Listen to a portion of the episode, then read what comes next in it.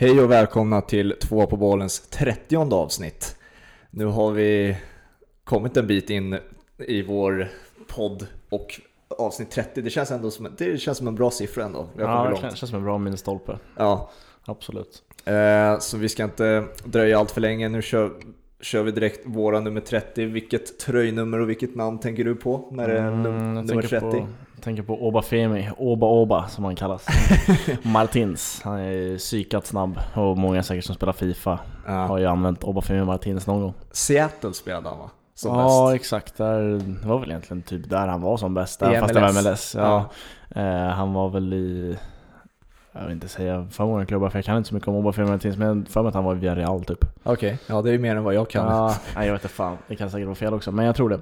Okej. Men eh, det var väl framförallt Seattle MLS man kommer ihåg honom. Mm. Och jag har en eh, nummer 30 som är i nyheterna idag. Eh, vi spelar in där en onsdag den 5 februari.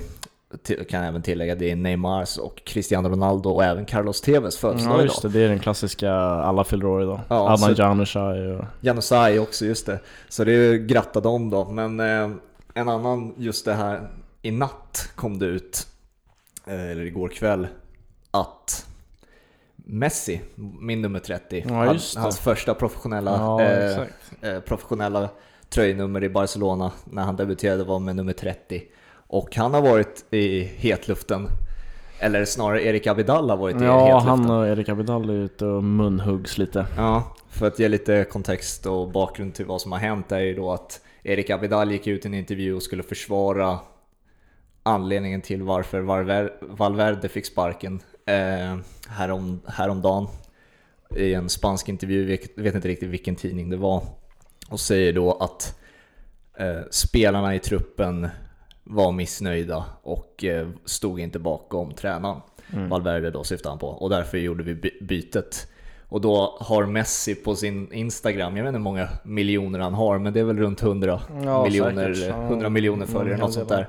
Har då tagit eh, den här artikeln, ringat in citatet Erik Abidal har sagt och så skriver han en lång utdragen text om eh, att han, jag kommer inte ihåg exakt citatet, det är svårt också från spanska till svenska, Ja. men att du behandlar spelarna nu som en enda stor klump skit eller något sånt där. Okej. För att han, han vill att om du ska säga någonting sånt så, vill, så ska vi precisera vilken, typ, vilken spelare du menar. För om du säger hela truppen var emot tränaren, då är ju vi bara ett stort jävla skitlag som inte... Åh fan. Alltså, Ja, jag är noll insatt i vem som har sagt vad. Mm. Eh, Det känns ju som eh, Messi vinner ju den duellen oavsett vad han säger, Ja, oavsett vad ja. Abidal säger. För att Messi är större än alla i den där klubben. mm, det sägs ju nu att den här morgonen då har Erik Abidal kallats till ett möte av sportchef. Äh, får se nu så jag säger rätt. Vem är sportchef? Är det Abidal som är sportchef? Ja, det- Så ägaren då har, kall. Ja. har kallat Abidal, hur det nu är, vilka roller ägaren har, har i alla fall kallat Erik Abidal till möte och sägs ska få sparken. Ja, det är, det är intressant på ett sätt med tanke på att då fattar man ju hur stor Messi är. Mm. Eh, och han känns ju rätt untouchable i den här klubben. Vilket man kan säga mycket om. Mm. Eh, jag tycker ingen är större än klubben, men det är ganska tydligt att Lionel Messi är större än klubben. Ja, ja, som sagt det kan man säga lite vad som helst om vad, Ja. vad man tycker om det. Jag tycker att det är lite trist, men jag Ja. tycker att Messi ändå har rätt i sak här. att Först och främst går man inte ut och säger att hela hennes trupp eh, stod, inte stod bakom en tränare. Det är ju det är inte jättebra sagt. Nej, samtidigt så kan inte Abidal gå ut och hänga ut spelare, kan Nej. jag tycka. Nej, man ska inte, som Messi vill. Messi ber ju om och vill höra en specifik spelare. Vem var det du menar? Det tror jag inte heller är en så jävla bra idé. Nej, jag tror inte någon idé är speciellt bra. Nej. Men eh, ja, det var våra nummer 30 och eh, drar, vi ska det här avsnittet snacka om eh, januarifönstret och värvningarna där och sen ska vi röra lite vid divorna i PSG, lite Neymar och lite Mbappé. Yes, kör vi Så då kör vi. Yes, januarifönstret då. Eh, och vi kommer hoppa lite mellan eh, från klubb till klubb här, för alla har ju inte varit verksamma i januarifönstret. Kanske sammanfattningsvis innan vi drar eh, till första klubben måste man ju ändå sammanfatta januarifönstret med att det har varit ganska trist. Ändå. Ja, det var, jag tycker egentligen det var sista dagen det började smälla. Mm. Mm. började hända grejer. Men det är också så här, sista dagen så händer de här klassiska januari-fönstervärvningarna. Typ Cedric Suarez till Arsenal. Ja, Han kommer inte göra en match i Arsenal-tröjan. tror du inte? Nej, någon FA Cup-match. Ah, Okej. eh, om de ens är kvar den turneringen, ingen aning. Eh, men ehm, det är det jag tycker också är speciellt trist med januarifönstret. Att Mm. det, det görs värvningar som liksom, ja, det säger noll om klubben, det säger noll om spelaren. Mm. Cedric Suarez ska inte vara i Arsenal. Eh, och kommer inte spela speciellt mycket heller. Så att, nej. Vi kommer till Arsenal eh, snart, men vi kan ju börja i Milan då.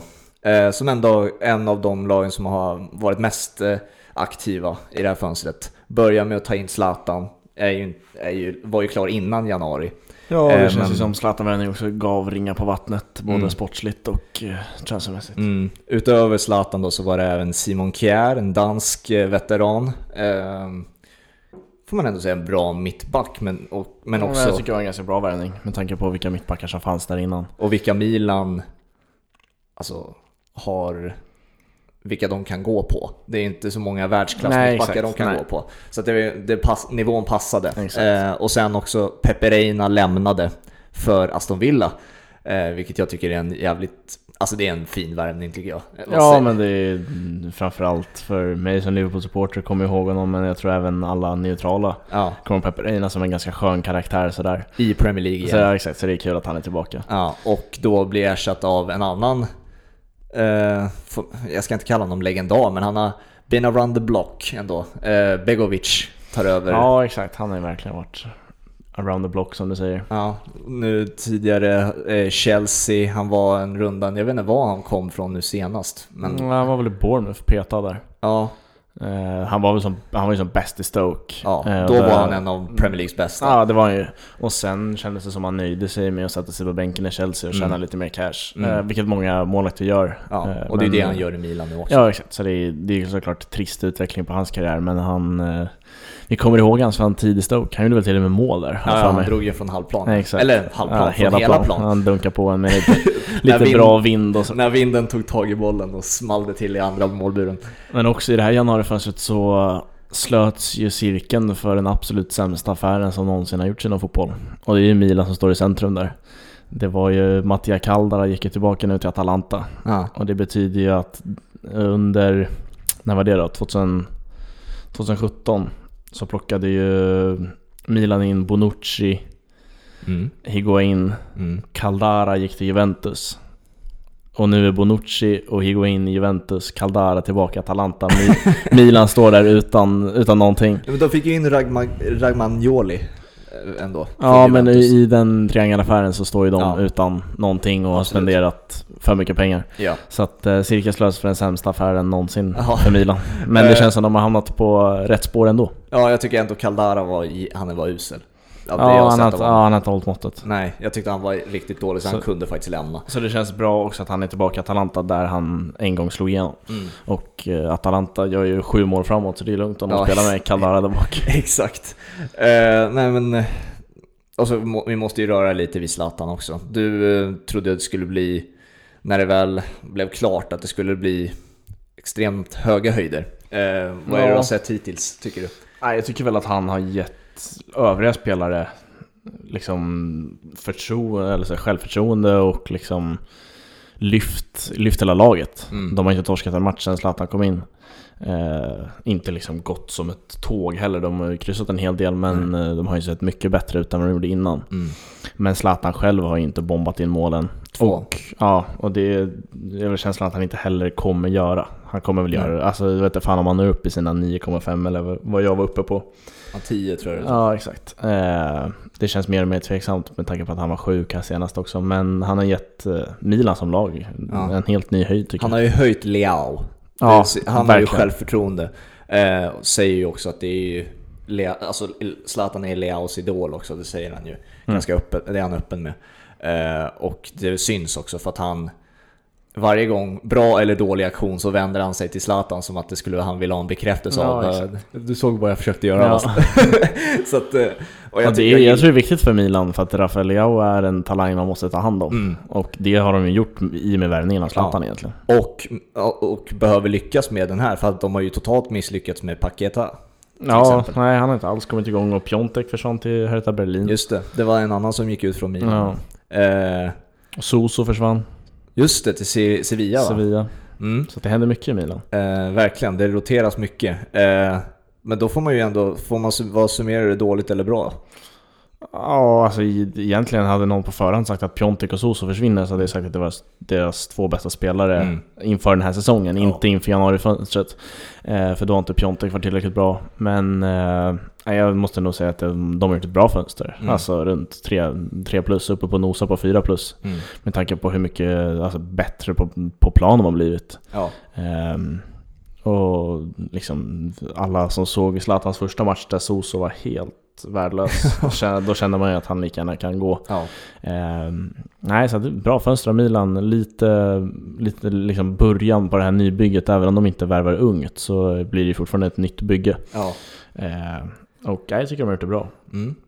Och då från en... Eh, från Zlatan till en eh, kopia av Zlatan, en kopia av ung Zlatan i Dortmund, Haaland. Ja, Som det, flyger. det håller ju som hela januarifönstrets bästa värvning. Mm. Också att han, liksom att Dortmund landar Haaland eh, som ryktades till United. Jag håller ju Dortmund som ett bättre lag än United men de har inte i närheten av de ekonomiska musklerna Nej. som United besitter. Så att, att eh, Dortmund landar honom är ju otroligt starkt. Mm. Eh, det är bara att titta på den starten den pojken har haft. Ja. Vilken jävla spelare det är. Vad blir det nu? Är det sex på fyra eller s- något sånt där? Han har gjort åtta mål på fyra matcher. Åtta? Ja, han har dunkat in, dunkat in den igår i kuppen när de åkte ut också. Okej. Eh, ja, fantastiskt bra och kommer ju bli, om allting går väl med skador och så vidare, den nästa forward som kommer nå de höga höjderna. Ja, det är verkligen känslan. Han ser ju... att Det finns inget som talar för någonting annat än Nej. det. Nej.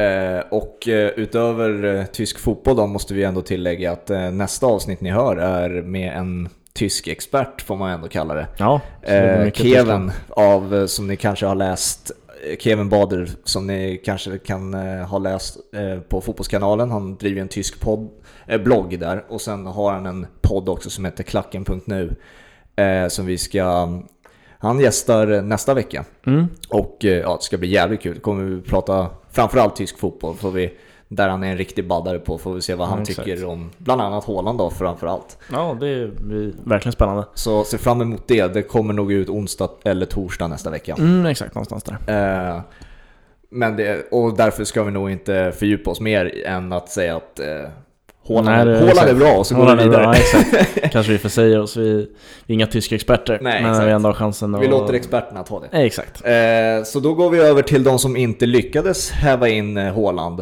Eh, Manchester United. Mm, de tog en nigeriansk forward istället från Ja. Kina. Vi kan ändå berömma dem först United och ändå säga att de plockade in kanske den näst bästa värvningen då i, under fönstret. Ja, absolut. beror på vad du rankar Eriksen, men eh, Bruno Ja, det är Fernandes är väl på den nivån i alla fall. Ja, han, absolut. Det är väl hugget som stucket, det är vad man själv tycker. Mm.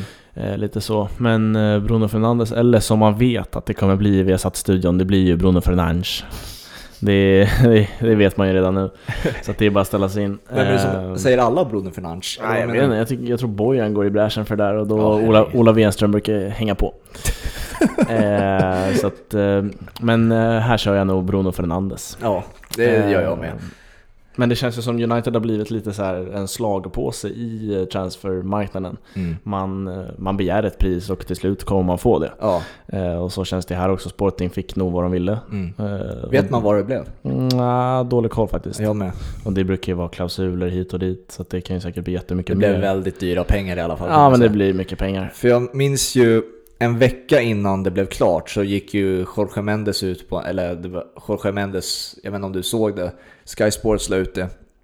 En litet klipp på Jorge Mendes som blev snabbt intervjuad av paparazzis utanför en parkering liksom. Ja. Och så frågar de bara vad hände med Bruno Fernandes till United? Och han bara jag har ingen aning, de är ju så jävla, det, är ingenting som händer. Så, jag, så om, om de vill ha Bruno Fernandes då finns han tillgänglig men det finns andra klubbar som vill ha honom också. Ja. Och det, jag antar att någon i United, "Öh, koll, såg ni det där eller? Vi kanske borde, borde plocka in honom nu innan någon annan tar honom. Och så ja, Jorge, Mendes är ju också, där håller nog som världens bästa agent. Ja. Med tanke på att han styr en hel fotbollsklubb i Wolves. Ja, Så att eh, han kan ju sina grejer och vet hur man får sina spelare sålda. absolut. Ehm, Och ja, det, för att ändå summera hur jävla dumma, alltså de på något sätt lyckas ändå United med den här värvningen som jag ändå säger, alltså som jag rankar väldigt högt. Ja, lyckas, är- de, lyckas de ändå på något sätt ta, ta ett minus eller vad man säger. Ta, Ja. Alltså, Ta för att, jag vet inte vad du hörde av när Solskär efter, ehm, efter värvningen blev klar så var det en presskonferens typ dagen efter för att de hade en match mot eh, Wolves eller vad det var. Ja, exakt. Den matchen när Bruno Fernandes debuterade, Mm. den, bland, där han såg bra ut. Han fick Ja. matchens lirare också. Eh, så fick, de, fick han frågan då innan matchen. Eh, ja, vad, summer, hur summerar du Bruno Fernandes värvningen? Vad tycker du och sånt där? Och så säger han, ja vi har ju scoutat honom nu några månader. Alltså, Har inte han- något år? ja exakt, har inte, han, har inte han ryktats om i, till United i typ två år? Och, Men det är väl Solskjaer har väl bara sett honom i ett halvår. han, hade ingen, han hade ingen aning om vem Bruno Fernandes var Nej, när han var men i det, Molde. det, det är det som ger mig så här. visste de på riktigt inte i, den där scout, i det där scoutingrummet vem Bruno Fernandes var bara för typ sex månader sedan? Jo, det är klart han visste. Men Ole visste nog inte. Nej, okej. Ja, jag tycker du ger eh, Jag deras inte. scouter för mycket cred. Jag tror inte de hade koll heller. Också så här, det är lätt att skämta om Ole och United, men alltså, så jag tycker han, han uttrycker sig också dumt i intervjuer. Ja. Alltså, han, jag tror inte han tänker riktigt på att han, han tränar United. Han Nej. tränar fortfarande Molde och då är, inte, då är inte så många som bryr sig om vad han Nej. säger. Nej, Men han är glad och rolig och liksom, ja. ja. det, kan, det kanske jag är jag som läser lite för mycket mellan raderna också. Men för mig låter det ju bisarrt att en av världens talanger som är tillgängliga för storklubbar bara har kollats på i ett par Ja, månader. ju- det räcker ju att ha spelat, spelat några Fifa-matcher i sina, sina år så vet man ju vem Bruno Fernandes är, typ. Ja men typ är det ju så. Eh, för att eh, trycka på ännu mer eh, på hur jävla dåliga de är i det där scoutingrummet får vi ändå det summerar ju ändå ihop en värvningen som kommer efter, Igalo. Ja, Odoin, Odoin Igalo va? Heter han? Ja, Odion. Odion, Ja, okej. Odion. Eh, nej, alltså han är ju slut som artist, Galo. det, det kommer inte hända ett skit där. Nej, Ehm, han dansade ju en säsong i Watford. 2015-16 va? Och sen säsongen efter var han ju lika klappkass igen. Ja. Eh, och efter ett halvår av uselhet så fick han sin flytt till Kina. Mm. Eh, nej, alltså vad fan. Är, det, kan det här, är det här en värre värvning än Källström till Arsenal? Den är, den är klass med den. Alltså det, Ja. det är ju så. Det är det jag tänkte så här, om man skulle lägga ihop dem, alltså Ja. vilken, vilket är det värsta om man lägger dem parallellt? Det enda som någonstans liksom rättfärdigar det här, det är väl att han har Premier League-erfarenhet. Eh, Mm. Vet någonstans hur man gör mål i Premier League. Mm. Men han var ju bättre när han lämnade Watford än Mm. när han kommer nu till United. Eh, och United är ett mycket bättre lag än Watford. Mm. Eh, så att, nej, jag vet inte vad han ska göra där faktiskt. Så här, för att man tänker ju så här att United, de behöver en forward, det visste man ju för att eh, Rashford eh, är skadad, långtidsskadad och man vill inte ge all, allting på Martial och Gr- Greenwood inom parentes. Man vill ha en till. Det, Eh. det är det jag inte fattar heller. Han har ju inte använt Greenwood överdrivet mycket. Nej, men det- han jag ska tycker- in jag tycker- Galo. Jag tycker så jävla synd om Mason Greenwood alltså. Vad, Han är behöver, så jävla bra också. vad behöver han göra liksom? Ja. Det, men ja, det är återigen en fråga Solskär inte lyckas svara på. Nej. Men alltså, när man är i Manchester United, man vet att man behöver en forward. Så här gick det till då, det här har jag läst via ESPN. Att man vet att Solskär är polare med Joshua King. Eh, så Josh, det var den första värvningen, det var den värvningen man ville göra. Joshua King till United. Eh, Joshua King som är, eh, kommer från United-akademin ville också gå dit. Eh, till United. Men Bournemouth, eh, som han tillhör, ville ha alldeles för mycket pengar för United. Och de sa stopp, liksom, nej, Ja. det här blir för mycket pengar. Då går alltså Joshua Kings agent, som också är Igalos agent, fram och bara “Jag har en kille i Kina som skulle vara väl- väldigt intresserad av att ko- kolla på vad säsongen han gjorde 2015-16. Han, alltså, han kan göra mål.” Och på något sätt så blir United “Ja, men han kan vi ta”.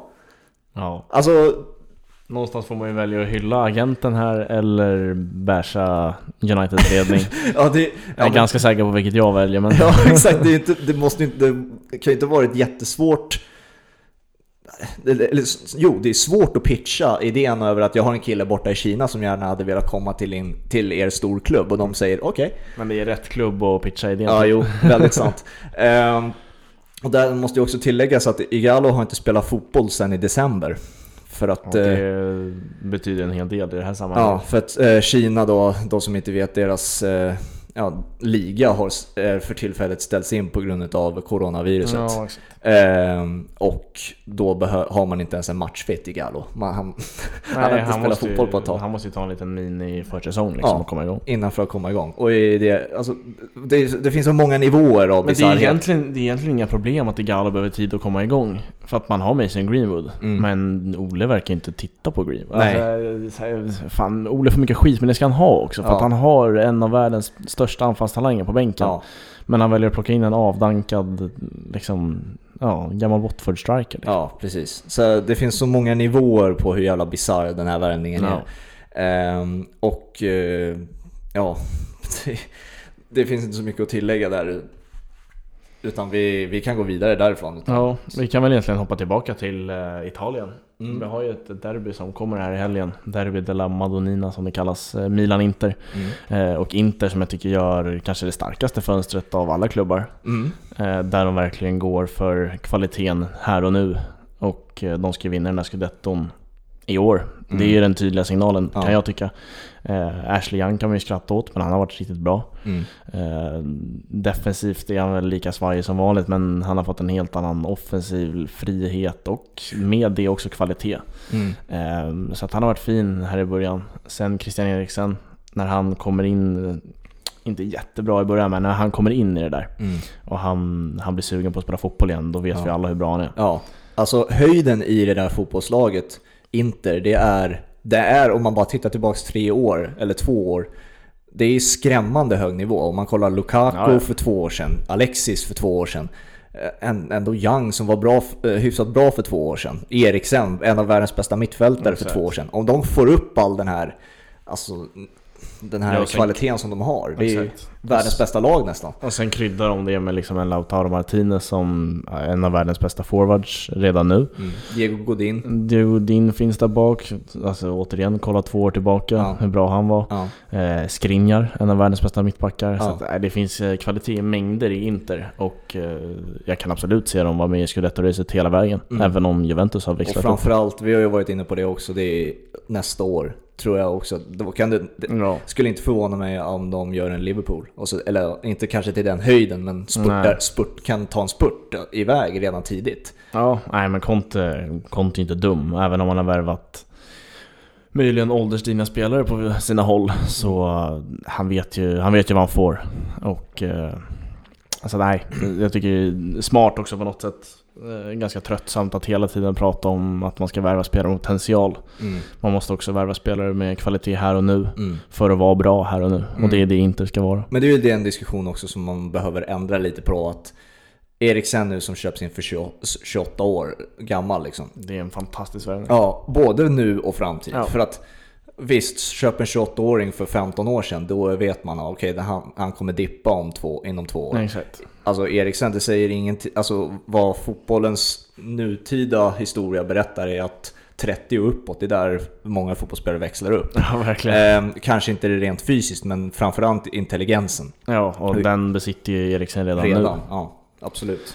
Så att, nej, jag tycker alltså så här, det är ju inget konstigt om Eriksen spelar tills han är 36. Och då har ju inte fått ut jättemycket av sina pengar. Mm. Eh, så att nej, jag också håller med. Att eh, den där åldern 30 liksom, det är fan värva spelare som är 30 år gamla, inga problem. Nej. De blir ju bara bättre. Ja.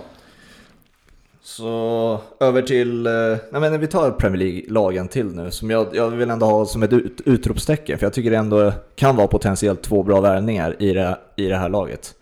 Newcastle. Mm.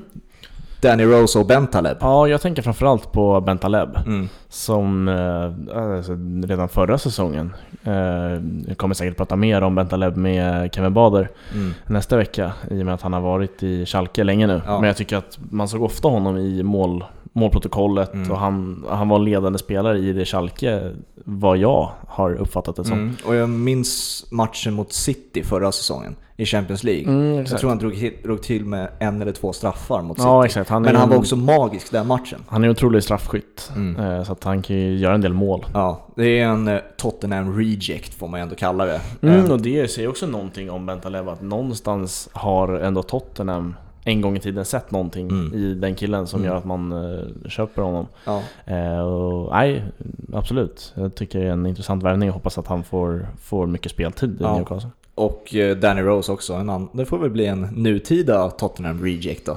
Ja exakt, vi la upp en bild, han såg ju inte glad ut över att han var i Newcastle.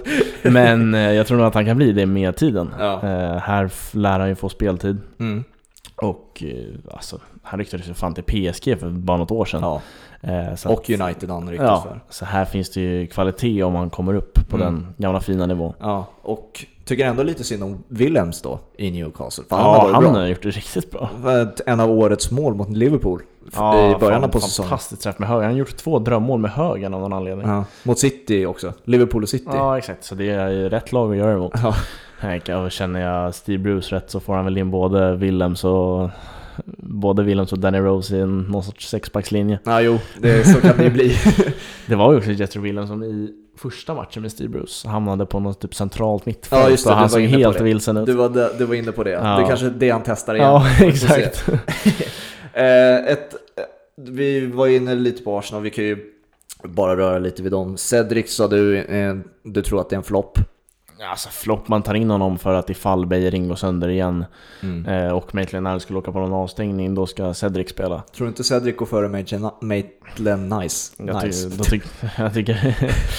Bra uttal. Ja, tack. Eh, jag tycker det är konstigt i så fall. Man har en egen produkt som är up and, up and coming. Mm. Eh, och så har man lånat in en spelare på sex månader. Mm. Så att, eh, då ifrågasätter jag bara den värvningen ännu mer om han ska gå före Maitland Niles.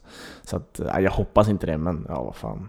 Vi snackar om kvalitet här och nu och det är väl Cedric kanske Ja, mer, jag, jag, mer kvalitet. Ced, jag gillar Ced- Cedric lite mer än Ja. vad många ger honom cred för. Han var ändå med i EM-vinnande laget där med Portugal 2016. Visst, det var, ett, det var en del år sedan nu, men han var en av de bättre Ja. spelarna där. Så att han har kvalitet i sig. Ja det har Eh, så vi får se hur det blir. Han har extremt imponerande mm, armar också för att vara en liten kille. Det är bara, när han tar inkast där, alltså titta på, titta på, titta på dem. Mycket armar. Ja, då vill man gå till gymmet efter det.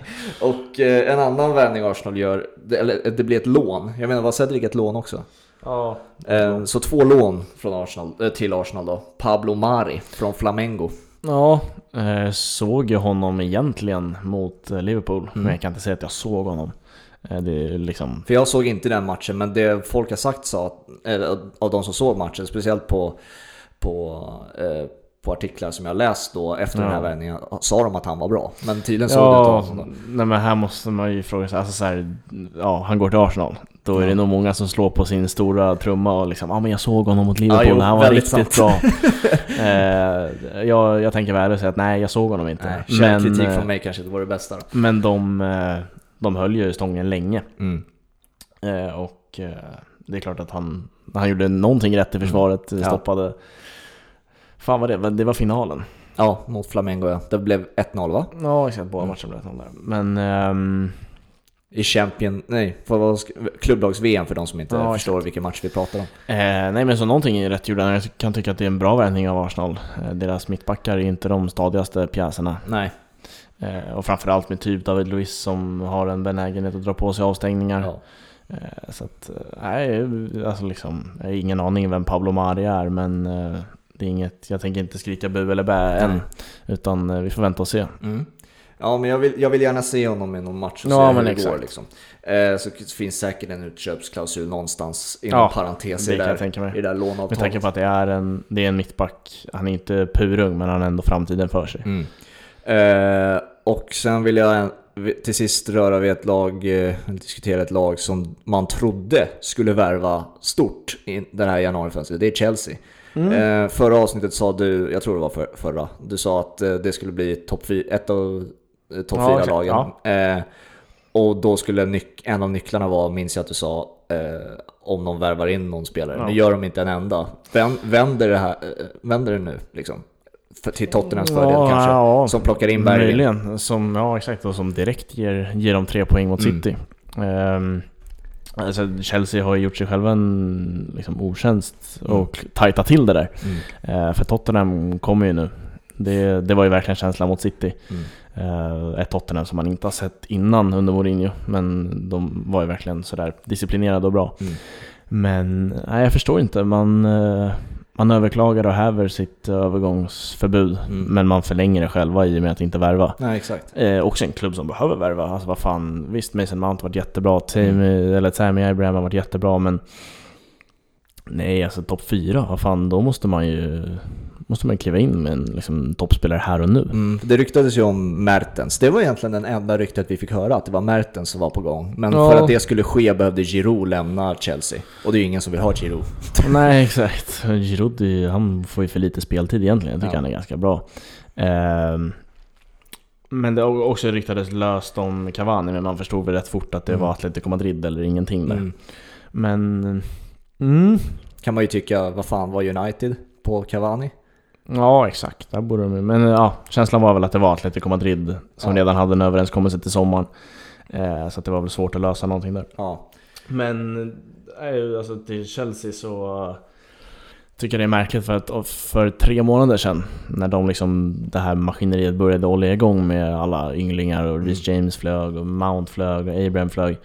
Då förstår jag så här, men vi behöver inte värva. Nej. Men nu behöver man ju faktiskt värva. Det är Ja. inte, alltså Pulisic har inte gjort så mycket bra insatser sedan dess. Nej. Mount lyckades med två assist på hörna här senast. Det är så här, ja, visst det är poäng men Mm. nej, jag tycker de skulle behövt värva någonting för att verkligen stärka topp 4-platsen. För jag tror de har kommit in i det här lite, den här lilla tunnelseendet och blinda, blindheten över att de bara ser den här unga talangen Ja. eh, i Chelsea.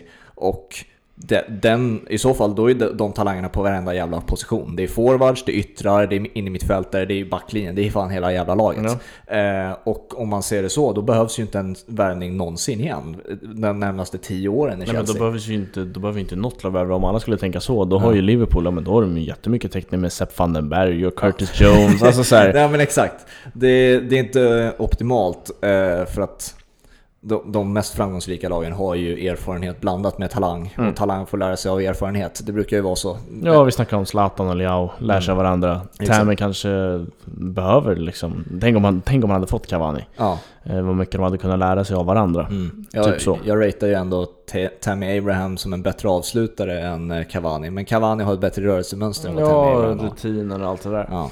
Eh, och nu tar vi Cavani som ett exempel. Det fanns ju, ja, fanns Mertens- ju fler, fler spelare idag. Mertens Exakt, Mertens där ibland. Så ja, det är väl ändå, det är väl, måste ju vara januaris besvikelse Chelsea faktiskt. Ja, det är anmärkningsvärt att de inte gjorde någon värvning. Mm. Eh, när jag säger det så börjar jag tänka också på Abramovic-situationen där. Ja. Med visum och allt. Mm. Om det kan ha spelat in. Möjligen. Eh, nu läste jag här i dagarna att Lampard ska få 1,5 miljarder att värva för i sommar. Så att jag vet inte fan. Det är ju fint i och för sig. Ja. Eh, eh, och sen till sist, det sista laget och spelaren jag ville nämna med är det är frågetecknet. Eh, och det är Carrasco till Atletico Madrid. ja, det känns som en utlåning till Kina i typ två år. ja, exakt. Eh, för, och ju mer jag läser om Kina-situationen så förstår jag det mer och mer. För att i Kina har nu haft, haft ett projekt sen den sista vågen av europeiska spelare kom in har försökt få ut alla de här europeiska spelarna Ja. igen. Lönekraven blev alldeles för höga Exakt. och nu vill... Det var väldigt mycket blandat med politik och sånt där. Jag ska gå in, inte gå in för, för detalj på vad, vad som faktiskt sades. Men man vill få ut spelarna igen för att lönekraven var alldeles för höga. De accepterade alldeles för höga lö- lönekrav, alla klubbar i Kina. exakt. Och nu vill man ha bort de spelarna igen. Så nu när det här, eh, får man säga, tur i den absoluta oturen Ja. med coronaviruset Ja, så fick man chansen att få ut spelare ur Kina. Eh, och eh, de två som sticker ut är ju Igalo och Carrasco då. Mm. Eh, sägs ju i och för sig att Carrasco har velat komma tillbaka till Europa i åtminstone ett år. Eh, men jag tycker det är sånt jävla... Det, det blev som en, bara ett, en stor parentes runt hela Carrascos karriär som var på väg Ja, uppåt. verkligen. Carrasco var ju, alltså herregud vad han lekte med Danilo Ja. i eh, Champions League-finalen där. Ja. Aldrig sett en ytterback så vilsen, men Nej. det var ju mycket tack vare att Carrasco var så jävla bra. Ja, han var ju... Det var ju då... Ja, det var den... Nej, det var näst sista säsongen med Atletico Madrid har jag för Mm. mig. Eh, så- han hade den där Champions League-finalen, han hoppade in den Ja, finalen. må- bra. Gör mål, var fantast, fantastisk i EM eh, den sommaren också. Gör en helt okej säsong, eh, säsongen efter det. och sen flyttar till Kina. Alltså, alltså ingen var förberedd på att den skulle ske. Nej, alltså alldeles tidigt. Som Ja. du säger, det var en karriär som var på väg uppåt. Han var Eh, 22 eller något sånt där när han Ja. lämnade till Kina. Nu känner man ju bara såhär, vem, vem är Carrasco? Ja, Alltså, många så. kommer ju tänka så. Ja. Eh, och han var, han, var, han var ju med i VM-truppen eh, 2018. Han fick väl spela en del också. Helt Mm, jag kommer inte ihåg, dåligt minne faktiskt. Eh, jag tror han fick spela en del. Eh, men har inte nått höjd, nådde inte höjderna där. Eh, och jag vet faktiskt inte vad, vad man har. Eller, det hade varit konstigt om jag visste. Han har spelat i Kina. Jag, Fan, bra koll på kinesisk fotboll i så fall. men det är ju en spelare som vi vet är otroligt bra. Så det kan vara en sån här kreativ spelare som vi har tjatat om att Atletico behöver i alla fall. ja, de eh, tänker direkt på vad som händer med Thomas Lemar nu. Han Mm. har ju inte, har inte setts till det Nej. senaste året. Och eh, Carrascos intåg kommer inte göra Lemar bättre. Nej. Det tror jag inte.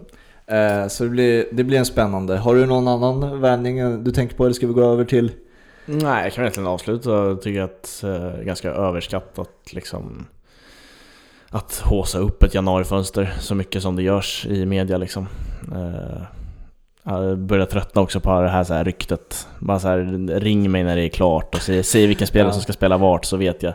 William har ryktats till Barcelona nu i sex år. ja men exakt, det är, det är sådana där grejer som fortfarande lever kvar. Men eh, nej, här, intressant att se nya spelare i ny miljö. Ja, absolut. Så nu går vi över lite till eh, PSG. Ser du om har det? Ja, inte så bra. Det blåser intensivt i, i PSG. Nu, eh, inte den senaste matchen, de har hunnit spela en match eh, igår när vi spelar in det här, men eh, i helgen så spelade de hemma mot Montpellier och eh, det blev eh, divornas match. Eh, ska tilläggas att båda divorna var jävligt bra, men divorna, de är divor ändå. Eh, Neymar med sitt rosa hår, eh, som jag tror många missade faktiskt varför han hade rosa hår. Det var ju för att hylla Kobe Bryant. Eh, och Lakers-färgerna eh, var ju, ville han hylla rosa faktiskt. Eh, Hur fan fick han ihop det? Lake, jag vet inte, det blev, det blev inte gult eller lila, han valde gult. För han, han värmde upp också i Kobe Bryant-tröja. Ja men det såg jag. Jag såg Eh, hans hyllning också när han gjorde mål jättefint Ja, och sånt där. Men... eh, jag, eh, det var det jag har fått, det är det jag uppfattade som. Kan ha helt fel här också, men jag har för mig att det var för Kobe Bryant. Eh, Jag har inte jättebra koll på Kobes historia eller Lakers historia men känslan är att han inte haft jättemycket rosa kring sig. Men det kanske han har, jag har ingen aning. Nej, jag, jag tror att det, det har med det att göra i alla fall. I alla fall, det såg absurt ut. Mm. Eh, men eh, Neymar har eh, en sån där, ja, vi- börjar med Neymar, sen går vi till Mbappé, för Yes. de har två separata diva, divor-historier här i den här matchen. Eh, Neymar är bäst på plan, för tillfället för mig världens bästa fotbollsspelare. Eh, möjligen Ronaldo som gör mål hela tiden, men alltså, jag tycker Neymar just nu spelar på en nivå som han aldrig gjort förut.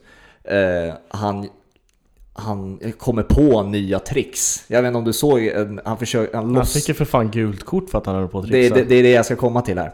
Eh, under matchen så gör han gör trippelöverstegsfinter och han gör tunnlar och han, han kommer på en ny slags skott slash passningsfint där han, han får en passning som eh, det ser ut som att han ska slå på ett tillslag, en cross. Eh, men så släpper han den mellan benen. Eh, motståndaren hoppar och täcker sig själv. Och så, Så kliver han vidare runt. Alltså kliver han vidare runt honom ja. Det är helt magiskt liksom. Det är så ny teknik som man aldrig sett förut nästan. Ja. Och sen så då när, han, när PSG leder då med 4-0 eller vad det är. Så ställer han sig i hörnet och gör den här klassiska, jag måste ta det på engelska, rainbow flick. Ja. den Eh, måste man faktiskt ta på engelska. Ja, för de som inte vet, man sätter eh, bollen mellan fötterna och Och skickar den över huvudet. skickar den över huvudet på både sig själv och motståndaren. Eh, få i världen som kan det, Neymar är en av dem. Och Martin Mutumba en annan. Ja, Mutomba, absolut. Han kunde det nästan finare än vad Neymar kan. Ja, troligt fucket. Eh, och bollen går sen ut till inkast och då går domaren fram till Neymar och säger Gör inte sådär, du förödmjukar motståndarna. Ja. Och då eh, har jag då tagit reda på att Neymar svarar på portugisiska Låt mig vara, jag spelar fotboll. Eh, då svarar domaren med att säga prata franska. Eh, och då säger han på engelska eller franska eh, Franska my ass eller något sånt där säger han på engelska eller någonting sådär. Han får gult kort. Här finns det mycket att säga. En del ligger i liksom fransosernas vilja att frank franskan ska vara största ja. språket. Man ska, liksom, är man i Frankrike, alla som har varit i Frankrike vet att liksom, ja, du måste typ prata franska för att någon ska lyssna på dig ens. Ja. Um, så det, det ligger väl i domaren här också, ja. att så här, när han förödmjukade franskan, även då åker kortet fram direkt. Det, och det kan jag väl köpa, han, sa, han var väl respektlös mot domaren. Men... Ja exakt, att han får gult kort där, men domaren ska inte ens gå fram och säga någonting nej, i första läget. Nej, alltså vad håller fotbollen på att ta vägen? Får man inte nej, trixa exakt. längre? Fan, en rainbow flick, det är liksom... Det är bland det vackraste som finns. Ja, och jag fattar att försvararna inte njuter av det när det händer, men liksom... Ja, ja led, alltså, alltså, så här, det är väl en del av sporten. Väljer Neymar att spela fotboll så, så ska Neymar få spela så. Han ja, bryter inte mot någon regel eller någonting. Nej, eh, och jag förstår inte varför den här domaren vill förändra på den regeln. Nej, eh, om man sätter det i perspektiv, Ronaldinho var en annan spelare som kunde ja. göra de här grejerna. Nästan ännu värre grejer. Han var också en sån som hittade på tricks. Han gjorde sjuka grejer med bollen. Det var ingen som liksom, det var alla bara hyllade det och sa åh vilken spelare. Ja, det var också för att han, han bara liksom, han hade sitt smile. Ja, det var ju hans image. Ja, exakt, det var hans image. Eh, Neymar har ju fått en liten bad boy image. Ja. Och det är väl kanske därför det blir en annan approach när han gör. Det är det jag tycker är sorgligt. Det blir, det blir skillnad på åsikt och fakta nästan. Eh, faktum är att man får göra vilka tricks man vill utan att man ska ja. behöva bli tillsagd av en domare åsikten är ju helt klart här att Neymar är diva, han ska vi gå på. Ja. Eh, och jag har ju varit inne på det tidigare, jag älskar Neymar. Det är bland den, bäst, de, den spelaren som jag väljer att titta på varje vecka av en anledning. Eh, sen har han sina diva moments och de väljer jag att leva med när jag tittar på honom. Eh, och det är väl liksom så jag tycker att de, man ska titta på alla fotbollsspelare. Visst, det är svårt med, med andra spelare att med, med många spelare att liksom se dem objektivt och bara njuta av fotbollen. För många spelare är ju bara rövhål, det vet man ju. Ja, och man har sina liksom, personliga preferenser, vad man, vilken spelare man gillar och sådär. Mm. Men ja. Det är, ja, det är totalt bisarrt i alla fall. Eh, efter den här matchen i alla fall, där, nu kommer divan Neymar fram här. Eh, han, har blivit, han blev, det var någon slags franskt rekord, han blev alltså nedtacklad eh, 11 gånger på en halvlek eller vad det var. Eh, och ligger kvar efter eh, när första halvlek är slut med en otrolig smärta i ryggen verkar det som. Och det ser ut som att ja, nu, nu är han skadad igen på mitten av säsongen igen. Då missar vi Neymar. Men han spelar resten av matchen. Dagen efter så har han sin födelsedagsfest. Vi nämnde i början av, av avsnittet att det är hans födelsedag idag, men han firade det för två dagar sedan. Mm. Eh, och ska nu tydligen ha skadat sitt reben något ja, så illa. Någon, något bröstkorgen såg jag. Typ. Ja, bröstkorgen också. Ja. Okej. Okay. Eh, och då undrar jag, undrar jag helt enkelt, är det från den där smällen under matchen eller är det faktiskt någonting han har gjort på den här jävla födelsedagsfesten? Ja, men det kom väl ut någon statistik eh, här i dagarna om att han har varit skadad matchen efter hans födelsedagsfest tre, tre år i rad. Eller ja. någonting. Sen han har varit i PSG har han varit skadad ja. på varenda fest. Exakt, och det här det här är ju ett klassiskt brassebeteende egentligen. Mm. Eh, det finns ju hur många historier som helst om brassar som har festat bort sig. Festat bort hela sin karriär. Eh, på den nivån är ju inte Neymar, men jag kan ändå tycka det är synd att det ska bli så. Om det nu, om det nu är liksom att han jag, jag skiter i det här, jag, jag är lite bakis, jag firar min födelsedag. Då är det så jävla trist på något sätt. För att mm. han har, alltså du hyllar liksom varje, varje avsnitt egentligen där du får chansen. Liksom. Mm. Han har så mycket fotboll i sig och kan, kan göra så mycket vackert med fotboll. Ja. Um, och då är det trist om han liksom ska känna att han inte har den motivationen varje dag att liksom spela match eller Nej. träna. Otroligt. Och för att bara äh, lägga på lägga på lite mer bakgrund till den här festen då, eh, så är ju liksom halva, om inte hela PSGs trupp bjuden dit också. Eh, alla vet att de har match 48 timmar efter den här festen. Memphis Depay dök upp också såg jag. Ja Memphis Depay, men han är skadad så han, är, ja, han, han, han, fest, han, allt. han festade säkert hela jävla dygnet. Ja. Eh, men Kylian Mbappés eh, sägs till exempel ha dykt upp i 5-10 minuter och sen lämnat för att han ville återhämta sig till matchen. Ja. Eh, och eh, resten av PSG-truppen verkade ha stannat där ett tag. Ett bra tag i alla fall. Och då är det ju nyckelspelarna vi snackar om. Det är Verratti, eh, det är Marquinhos, det är Thiago Silva, det är Keylor Navas och alla de här spelarna. Ja. Och jag, tyckte, jag tyckte så jävla synd om Tuchel.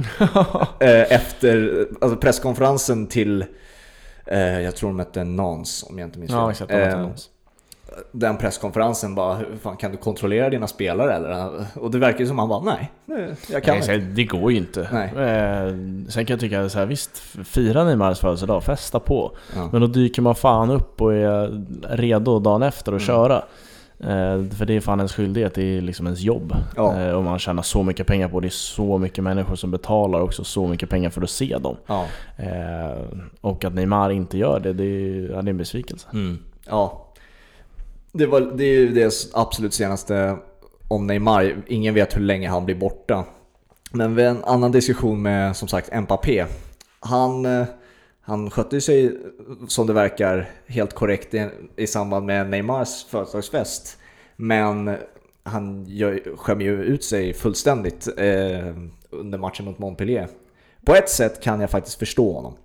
Det som händer är alltså i runt 70 minuten så har eh, PSG, de leder med 5-0 eh, och Torshäll väljer att byta ut Mbappé för eh, Icardi tror jag det var. Och när eh, Mbappé kommer ut då så vill Torshäll förklara liksom, för att han bytte precis ut sin stjärna. Liksom. Och eh, Mbappé liksom kastar honom nästan åt sidan, han vill inte prata med honom. Eh, Torshäll försöker igen och det ser ut nästan som att de brottas. Liksom. Mbappé vill bort därifrån och Torshäll vill eh, kramas och Ja. prata liksom. eh, och det blir, ja, det blir till slut att han liksom viftar bort honom väldigt nonchalant och han, man ser honom arg resten av de återstående minuterna som ska spelas.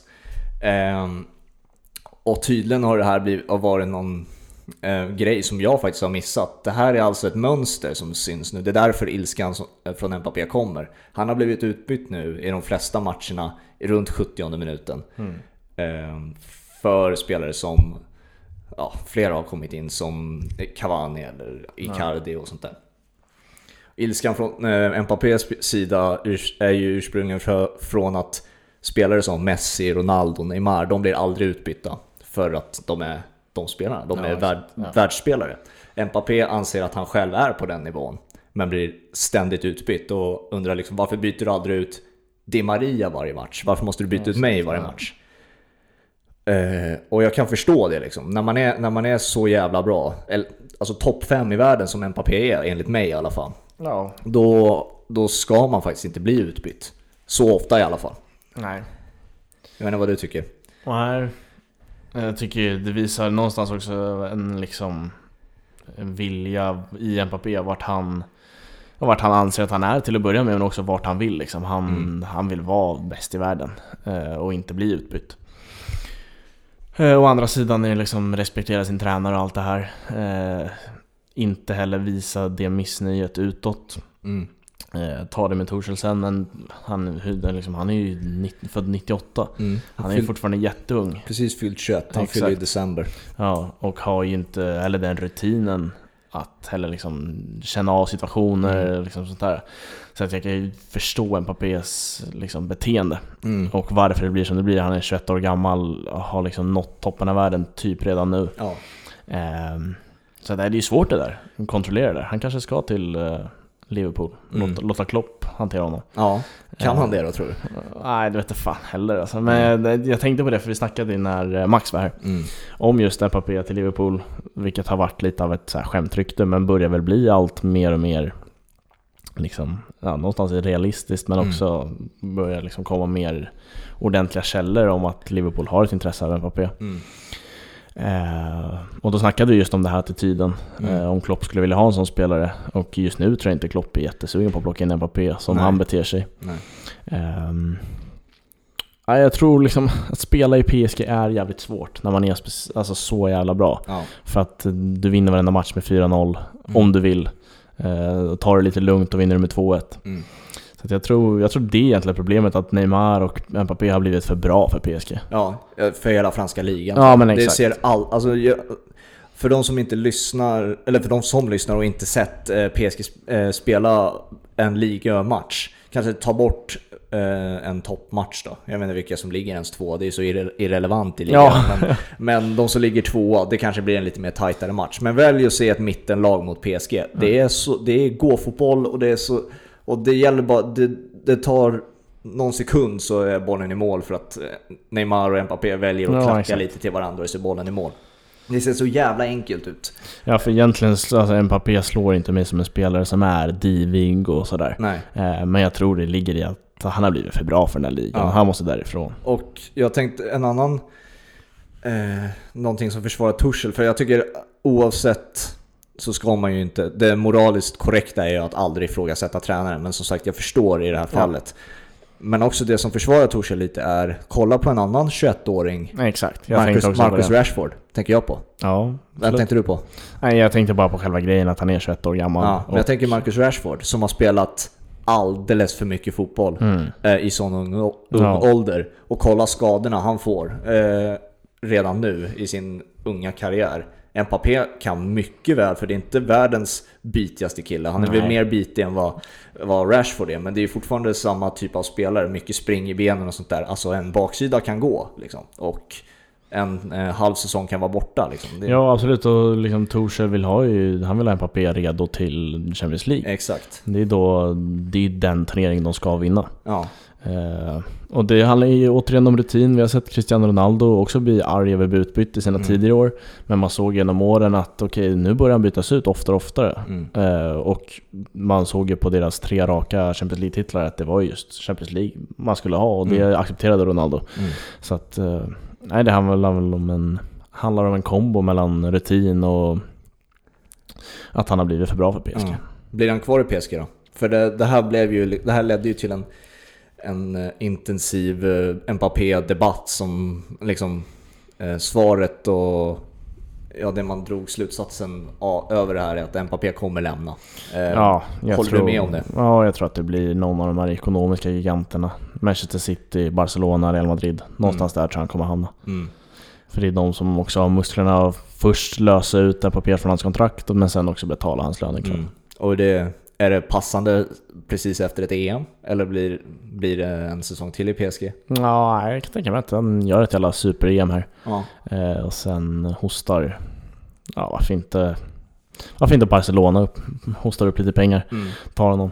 Ja. Någon av de giganterna tror jag, jag tror inte han blir kvar i PSG. Men samtidigt har jag svårt också att se PSG släppa både Neymar och Mbappé. ja, för att båda ska ju bort. Ja. Framförallt Neymar känns det Exakt, som att han ska bort. någonstans tror jag att de hänger ihop. Mm. Alltså PSG kan ju inte släppa båda dem, då släpper man ju alla sina muskler. Ja. Eh, så att, eh, nej det är mycket, mycket politik i det där. Mm. Så att eh, vi får se. Jag Ja. skulle gärna se någon lämna i alla fall. Ja, vi får önska sportchefen Leonardo lycka till då. Ja, förhandlingarna. Framförallt tränare Thomas att Ja, ta, ta hand om de där två resten av säsongen. Ja. Tillsammans med en Mauro Icardi som också kan brinna till om det vore så. ja. Ja, det var lite, lite januarifönster och lite, Lite PSG. lite PSG.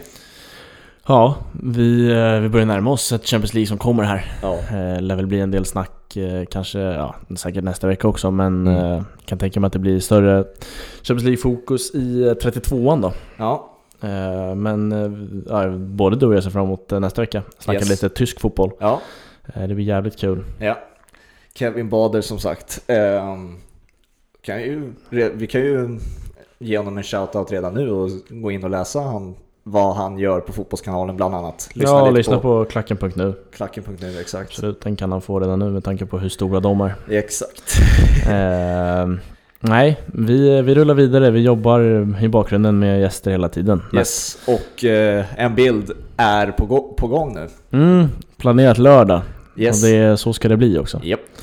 Så att, eh, nej, det blir härligt. Yes. Få lite ordning på det där också. Mm. Så att, eh, nej, grymt. Eh, Instagram, två bollen. Det måste vi ändå göra reklam för varenda jävla avsnitt. För det, den tycker vi vi ska. Ja, ni ni som vi, lyssnar på det här nu, gå in och fan följ två bollen på Instagram. ja, Det- men vi har kul där. Det är mycket Ja. roliga klipp och en del vackra mål och sådär. Exakt, så att där ska ni vara. Där ska ni hänga. Där ska ni hänga, absolut. Men eh, då hörs vi nästa vecka framåt eh, onsdag, torsdag någonting. Vi kommunicerar eh, ja, vidare när vi vet exakt när vi släpper det. Exakt. Ha det så länge. Ha det, tja!